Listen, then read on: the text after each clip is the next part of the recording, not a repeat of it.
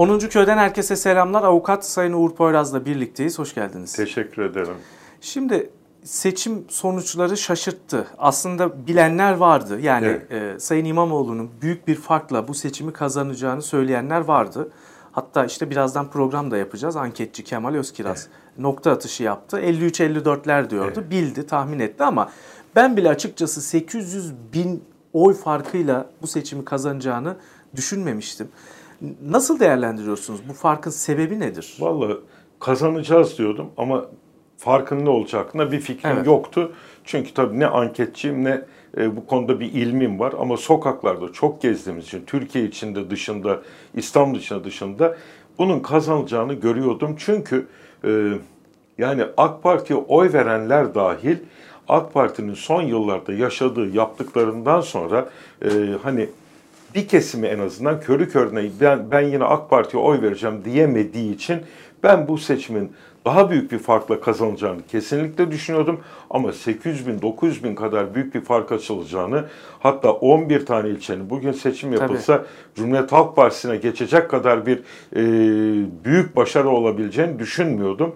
Ama insanlarda şu vardı kazanır ama vermezler diyorlardı artık o kadar belki de bundan sebep yani öyle bir kazanalım ki hani şunu benzetin 1-0 2-0 değil 3-0 evet. 4-0 yapalım ki hani elimizden bir daha alamasınlar mantığı insanlarda sanıyorum hakim oldu. Çünkü 31 Mart'tan bu yana çok büyük bir fark ve bu arada da çok önemli hani iktidarın aleyhine muhalefetin çok lehine olaylar da olmadı. Ama nedense iktidarın yaptığı, AKP'nin yaptığı belediyelerde ya da genel yönetimde yaptığı bütün böyle yolsuzluklar, hukuksuzluklar çok ifşa oldu, çok ortaya çıktı. Yani insanlar da artık bunlardan hani adam kayırma, aileyi kayırma, inanılmaz büyük israflar, e, yani insanlar bunları görünce anladığım kadarıyla yeter artık dedi. Unutma kardeşim 1950'de Demokrat Parti kazanırken yeter söz milletindir evet. Hatta şöyle bir işaret evet. vardır. Millet yine yeter söz milletindir dedi. Ve evet. millet olarak da hani tabiri caizse iktidarı çok ciddi bir tokat attı. Yani böyle itmedi, kalkmadı, Kulağını tokat çekmedi. Attı. Yok kulaklarını çekmedi. patlattı. Çok ciddi bir tokat attı. Yani bu tokat hani tabiri caizse Osmanlı tokat diye meşhur bir tokat var. Öyle bir tokattır.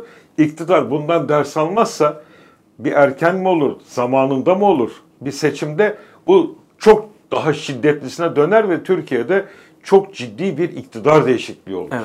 Yani tek de AKP'ye değil bu tokat AKP ile birlikte hareket eden MHP'ye hatta onlara destek veren e, işte, gibi. E, işte partilere gibi, ya Abdullah Öcalan'a kadar falan, yani tabii. aslında onu da İmralı'da tarihe gömdüler tabii. mesela. O da öldü değil mi? Yani, e, o da gitti. Ya bu burada e, AK Parti'nin temsil ettiği siyaset iflas etti. E tabii. Yani e, hani yani, MHP'si işte bu bir gün öyle bir gün böyle siyaseti bir gün önce muhalefete PKK'lı diyorlardı. PKK, Bir gün sonra e, Abdullah Öcalan'la anlaştılar. Öcalan'ın tarafsızlık mesajını e, devletin ajansıyla duyurdular Vallahi, vesaire. Yani bu bu kaybettirdi Çağlar zaten. kardeşim bir defa adaletsizlik insanlara kaybettirir. Yani ben her zaman diyorum Cuma namazının arasına verilen hutbeden sonra innallâhe ye'mür bil adli diye başlayan şüphesiz ki size Allah adaletle hükmetmeyi emreder diye bir ayet-i kerime okuyor imam. Buradaki adalet veya hayatın her alandaki adaletten o kadar sapıldı ki insanlar ceza yargılamalarında, hukuk yargılamalarında, icra iflas konularında ya da sosyal hayattaki adaletsizliklerden o kadar bıktı ki birilerinin gözünün içine baka baka amiyane tabirle ayağında yarım pabuç yokken bugün işte son model arabalarda, yatlarda, villalarda yaşaması arsızca o kadar insanlara sunuldu ki insanlar artık adaletsizliğe, haksızlığa, hukuksuzluğa yeter dediler yani. Evet. Gerçekten de ben buna neden çok önem veriyorum? Bakın çok doğru bir şey yazdın dün sen Twitter'da da paylaştın. Yapılan yargılamalardan beraat eden de mahkum eden de mutlu değil. Bir insanın lafıyla bir ailenin, bir sülalenin hayatı karartılabiliyor. Ama iktidara yakın olduğu için e, inanılmaz hukuksuzluklara imza atanlar hukukun önüne bile çıkmadan evet. bu işler halloluyor. İnsanlar artık bunları o kadar görüyor ki sosyal medya dediğimiz bakma öyle 3-5 tane sözde eski büyük televizyon ya da medya var. Yok, ne kimse tabii. okuyor ne kimse seyrediyor. İnsanlar bunlardan o kadar ciddi haberdar artık oldu ki yani bunlar herkesi inanılmaz rahatsız etti. Yani 1 liralık ağacı 21 liraya satıp belediyeye sonra da bu, bu, bu paralarla haram paralarla yaşanan hayatları gördükçe AKP'ye oy veren, AKP'ye e, sempati duyanların da artık e, izzeti, onuru, nefsi artık rahatsız oldu. Bu büyük bir sosyal patlamadır aslında. Evet. Yeter dedi millet. Arsızlığa, haksızlığa, hukuksuzluğa, gurura, kibire, talana son dedi. Evet. Bu sosyal patlamanın sonucunda nasıl bir siyaset inşa edilmeli? Şimdi sorun çok net. Evet. Muhalefet bu saatten sonra ne yapmalı? Ben dün bir tweet attım gece. Seçimi kazandık. Bu gece tadını çıkartalım. Ama yarın sabahtan itibaren hukuk devletini yeniden inşa etmenin bütün mücadelesine başlayalım. Parlamenter sisteme dönüp Cumhuriyet Senatosu'yla Türkiye Büyük Millet Meclisi ile iki kademeli bir parlamenter sisteme dönüp derhal Cumhurbaşkanı tarafsız ve eskiden olduğu gibi ama eskiden olduğu gibi derken onun da işlevini adam gibi yerine, yerine getirebileceği evet. tarafsız, bağımsız bir devleti temsil eden Cumhurbaşkanı ama yeniden başbakan, bakanlar, meclis senatosuyla birbirini yani süzebilen, birbirini dengeleyebilen bir hukuk devleti ve siyaset inşa edelim. Ön seçim getirelim. Böyle parlamentoda milletvekili olmak için millete değil, gidip genel başkanı ya da onun yanındaki birkaç kişinin ağzına bakanlardan kurtaralım. Bak referandum yapıldı 16 Nisan 2017'de. Sözde 6 ay içinde siyasi partiler kanunu ve seçim kanunu değişecekti. Evet. İkisini de hala değiştirmediler ve bu iki yanlıştan bir doğru çıkartmaya çalıştılar. Bütün bunları yaparak siyasete halkla iç içe ve halkın iradesine dayalı hale getirelim. Mutlak surette hukuk devleti içinde olmazsa olmaz Ergenekon balyozda nasıl ve diğer davalarda hukuksuzluk yapıldıysa bugün yaşanan hukuksuzlukları da temizleyecek şekilde mutlaka bir infaz indirimi, mutlaka KHK ile atılanlara yani ben o zaman demiştim bir komisyon kurdular. Dedim ki bu komisyon 3000 yılda bitiremez bu işleri. Evet. Ciddi Bitiremez. çalışacak bir hukuk sistemi getirelim. Evet. Ve en önemlisi ne biliyor musun Çağlar kardeşim? Biz AK Parti'nin ya da AKP'ye yandaş olan partilerin nesinden bıktık? Kendi adamlarını kayırmasından, kendi yandaşlarına sermaye para aktarmalarından e, ve en önemlisi gururla, kibirle davranmalarından. İmamoğlu neydi? Alçak gönüllü, efendi, sevgi dili kullanandı. Evet.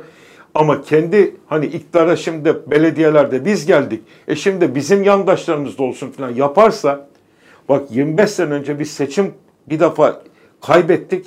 O seçimden sonra 25 sene sonra ancak kendimizi toparladık. O gün yapılan hatalar bugün tekrarlanırsa ya da AKP'nin ve ona yandaş olan partilerin yaptığı hatalardan ders alınmazsa tarih tekerrür eder bir 50 yıl daha bir daha iktidar yüzü göremezler. Evet, bu da önemli bir uyarı. Yani bu muhalefete bir uyarı. Tabii. Evet, yani aynı yoldan Tabii ben ben tabii bunları bir, Cumhuriyet, bir 50 yıl daha bekleriz. Tabii yani. Cumhuriyet Halk Partisi'ne ve ona destek veren partilere söylüyorum. Esas şimdi adaletle hükmetin, tarafsız, bağımsız olun, liyakati esas alın. Bu benim halamın oldur, bu partidaşımdır. Bu işte bize çok çalıştı filan. Aman onlara sapmayın. Bak hep yazıp çiziliyor bunlar. Çünkü artık hiçbir şey gizli kalmıyor. Gururla, kibirle değil, şefkatle, sevgiyle insanlara yaklaşın. O zaman iktidara daha yeni geldin ama 50 yıl kalırsın. Yok. Bunları yapmazsan ne olur? Bir 4 sene yaparsın. Ondan sonra seni tarihe bir daha sandığa gömerler. Bir 25 yılda değil 50 yılda çıkamazsın. Evet. Bu çok önemli. Peki bir erken seçim beklentiniz var mı? Yani şimdi Sayın Babacan, Sayın e, Davutoğlu falan parti evet. kurduğunda merkez sağdaki işte o AK Parti'nin kızgın, küskün seçmeninin oluşturacağı boşluğu doldurduklarında Türkiye'de bir erken seçim gündeme gelir şimdi, mi? Şimdi kıymetli kardeşim ben şunu söylüyorum ve büyük ihtimalle böyle olacağını düşünüyorum.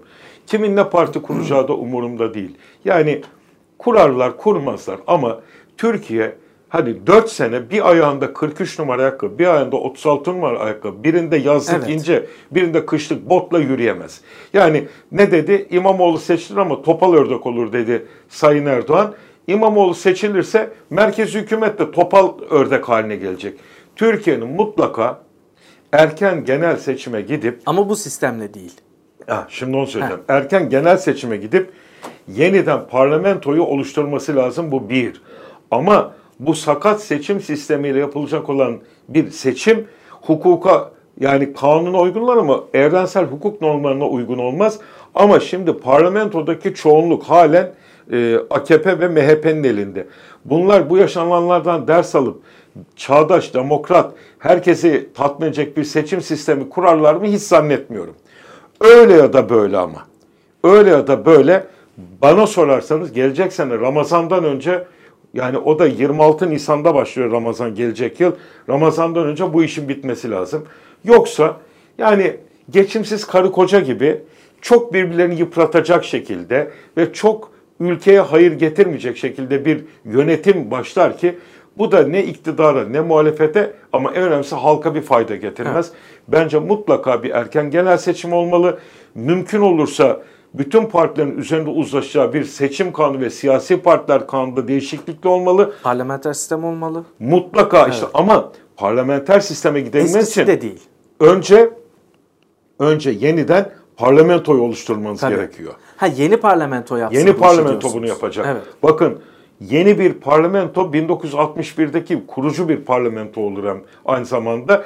Çünkü 1961 anayasasında olduğu gibi çift parlamento bugün İngiltere, Amerika, evet. Fransa herkes bunu uyguluyor. Avam kamerasından Yani tut. fren sistemi yok, Tabii. denge sistemi yok. Biz mesela referanduma giderken Tayyip Bey tek başına iktidara gelirse yani bence hiç mahsur yok demiştim ama bir şartla bunun denge ve balans sistemini, fren sistemini kurarsak ne ala, kuramazsak felaket olur.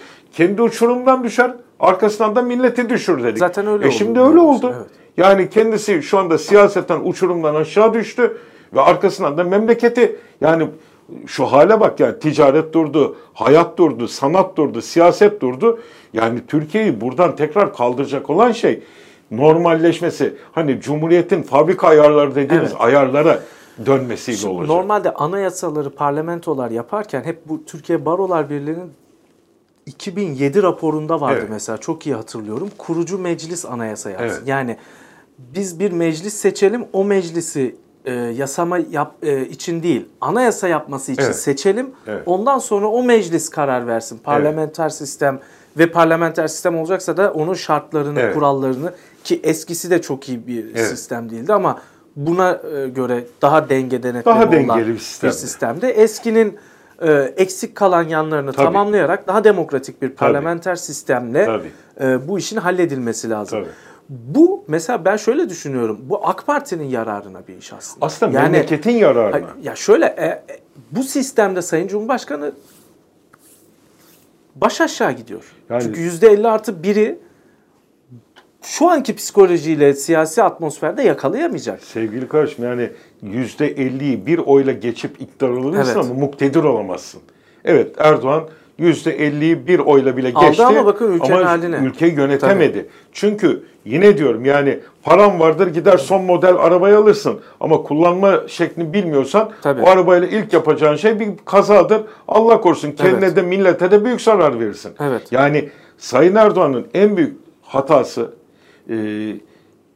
etrafında konuşan belki 3-5 kişi dışında kamuoyunun sözlerine, muhalefetin sözlerine hiç değer vermiyor, hiç bakmıyor.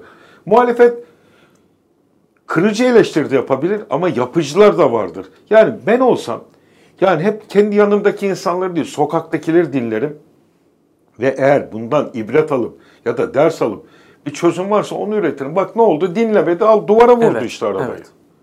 Onun için Türkiye'nin mutlaka bir parlamenter sisteme geçecek hazırlığı yapması lazım.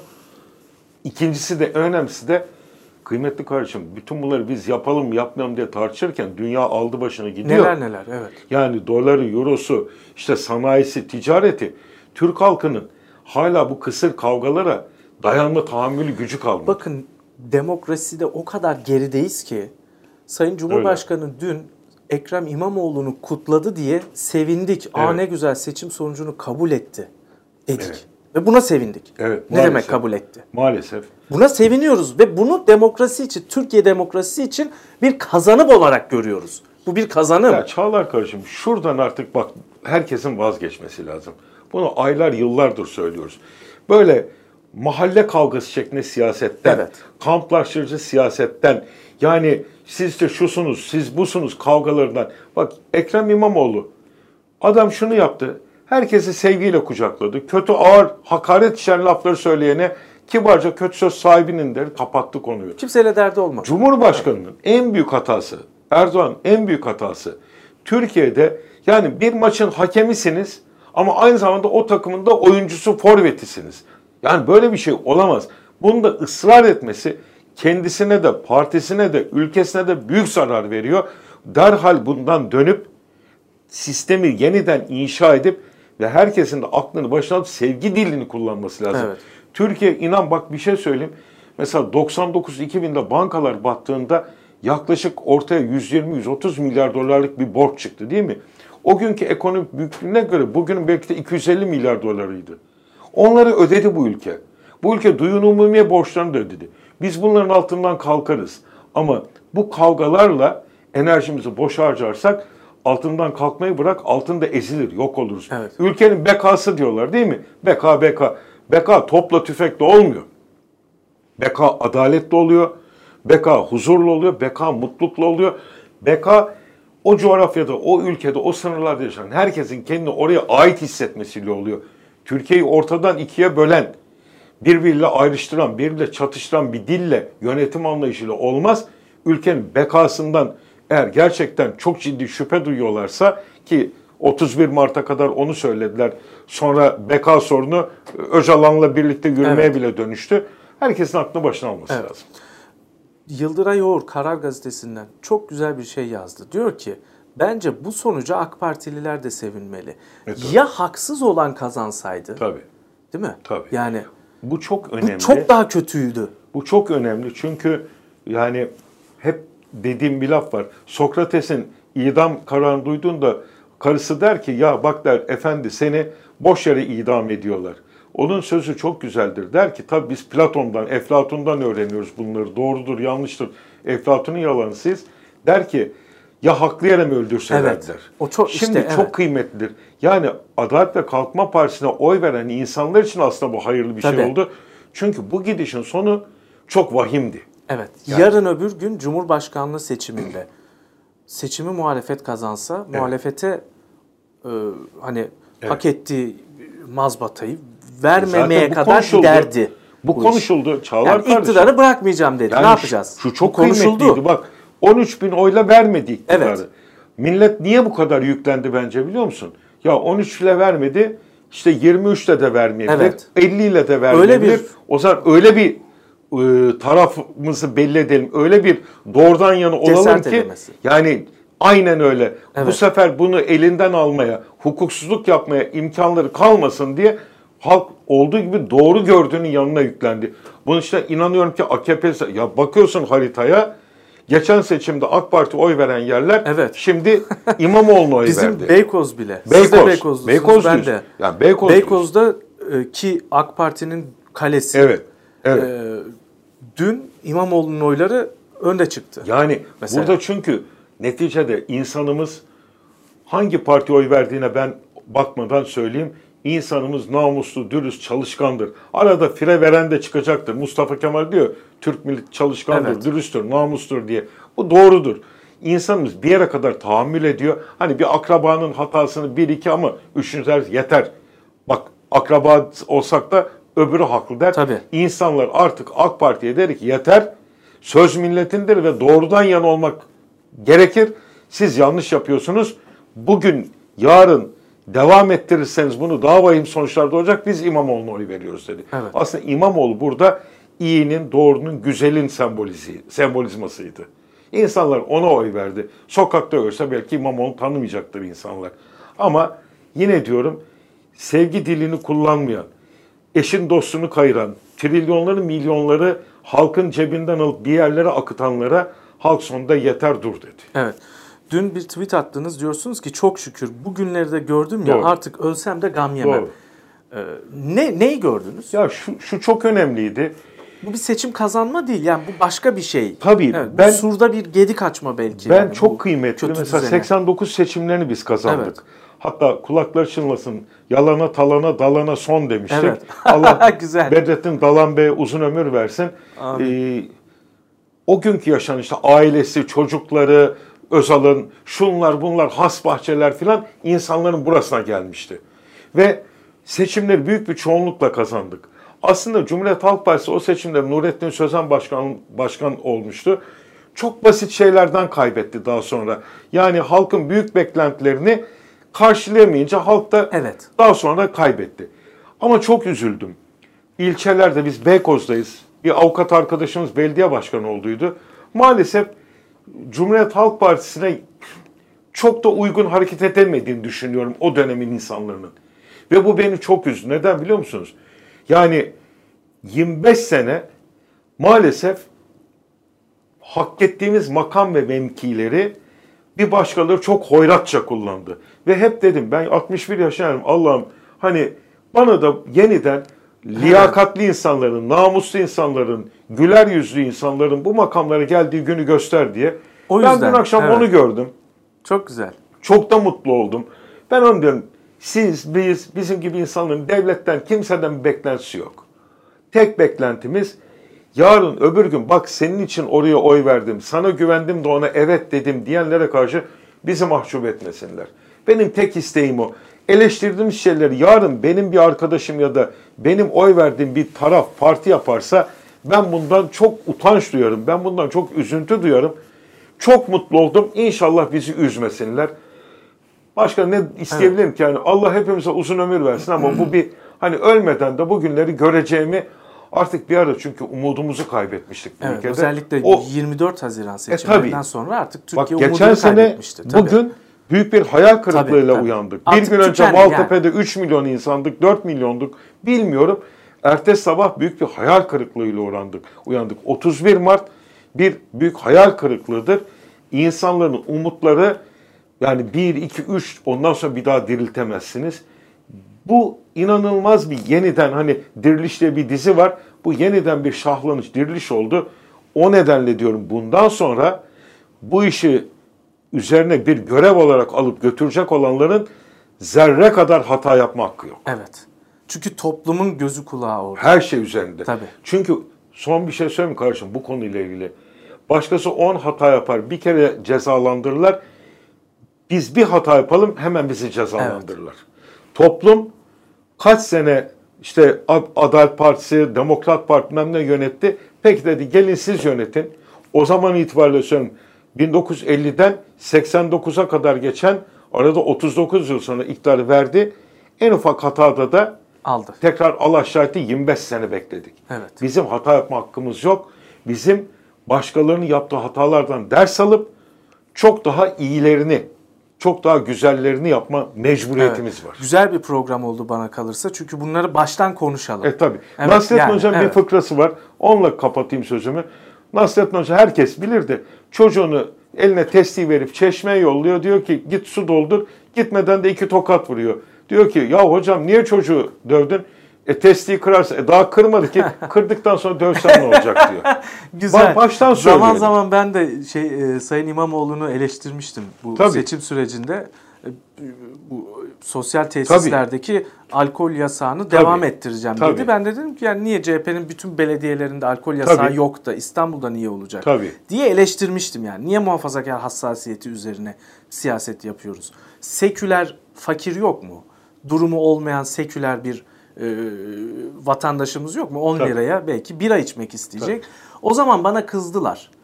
Ee, ya niye eleştiriyorsun İmamoğlu'nu? Kaybetmesini mi istiyorsun falan? Hayır dedim yani. Bunu baştan konuşalım işte. Çağlar Yani kardeşim tam bu noktada bir şey söyleyeyim mi? İkimiz de Beykozluyuz. Evet. Hidiv Kasrı'nda İstanbul Büyükşehir Belediyesi İmamoğlu'na geçtikten sonra ben bu masamda oturup içiyorsam bir kadeh rakımı içmeliyim, şarabımı içmem. Evet. Yan masamda da insanlar oturup çayını, kahvesini ne istiyorsa onu ne içebilmeli. Biz yan yana yaşayacağız. Bize ayrı ayrı, mesela şunu yapamazlar. İşte şu tesis içkili olsun, bu tesis çaylı. Hayır. Biz İçen birlikte gelir, içmeyen de gelir. hoşgörüyle, sevgiyle, sadakatle birbirine bağlanarak edep, adap içinde yaşamayı öğreneceğiz. Eskiden biz bir dönemler millettik. Bunu Tabii. yaptık. Bakın Tabii. ben Beykoz'da şunu hatırlıyorum. Tabii. Bel turlarda Bel turda. içki vardı. Var. 2009 sonrası bunlar değişti. Tabii. AK Parti o 2009 yerel seçimlerini kazanınca artık tamamen güç bende dedi. Bütün İstanbul'da bunları mesele Tabii. içki içmek değil. Millet de yanlış anlıyor. Diyor ki çağdaşlık içki mi falan. Hayır, Hayır, hayır, kardeşim. Ya biz bir dönemler millettik. Siz daha daha iyi bilirsiniz. Ee, Anadolu Hisarı'nda Sabancı tabii, öğretmen tabii, evi. Öğretmen Çocukluğum eviydi. orada geçti. Tabii. Babam gider içkisini ben içerdi. Ben orada ortaokul okudum. Aa öyle mi? Tabii. Sedat Simavi'de mi? Yok. Şeyde... Anadolu Hisar'da sahildeki öğretmen evi daha önce Be Anadolu Hisar Ortaokulu'ydu. 1972'de yeni binaya taşındı. Aa çok tabii, şanslısınız. Denize tabii. sıfır. Martılar Okulunuz. hepsi tabii. Şuraya iyi. geleceğim. Bak. Ya eskiden böyle bir kavga yoktu. En önemlisi şu. Artık ayrışmadan birlikte evet. yaşamayı, o kültürü öğreneceğiz. Ve çok kıymetli olan da şu. isteyen başını örtecek, isteyen evet. başını artacak, isteyen içkisi, isteyen... Yeter ki adab-ı muaşeret kuralları evet. diye eski bir deyim var. Ya toplum kurallarını hepimiz evrensel o ahlak ve toplum kurallarına uyalım. Evet. Ayrıştırmadan ha bir de sosyal testler fakir fukaran değil. 80 milyon İstanbullunun ve Türkiye genelindeki evet. 80 milyon hakkıdır. O da gidecek, bu da gidecek. Düğün de yapacağız, birlikte evet, nişan da yapacağız, eğleneceğiz. eğleneceğiz de yeri gelecek oturacağız ne bileyim sohbet de edeceğiz. Birbirimize sarılacağız, kucaklaşacağız. Bu seçim artık şunun miladı olsun istiyorum. Sen de çok güzel söyledin kardeşim. Artık siz biz yok. AKP, CHP yok. 82 milyon mu? 16 milyon mu İstanbul? Bir Türk milleti ve İstanbullu var. Evet. Başı açık kapalı yok. İnsan var. Ve insanın mutlu olması için ne, ne gerekiyorsa o yapılacak. Ne güzel. Ne güzel konuştunuz. Başka Böyle noktalayalım. Noktayı koydunuz. Çok sağ olun. Ağzınıza sağlık. E, avukat Sayın Uğur Poyraz'la birlikteydik. 10. köyün devamlı konuğu e, Uğur Poyraz. E, sık sık en azından haftada bir vakit buldukça programları yapmaya devam edeceğiz. Şimdilik hoşçakalın.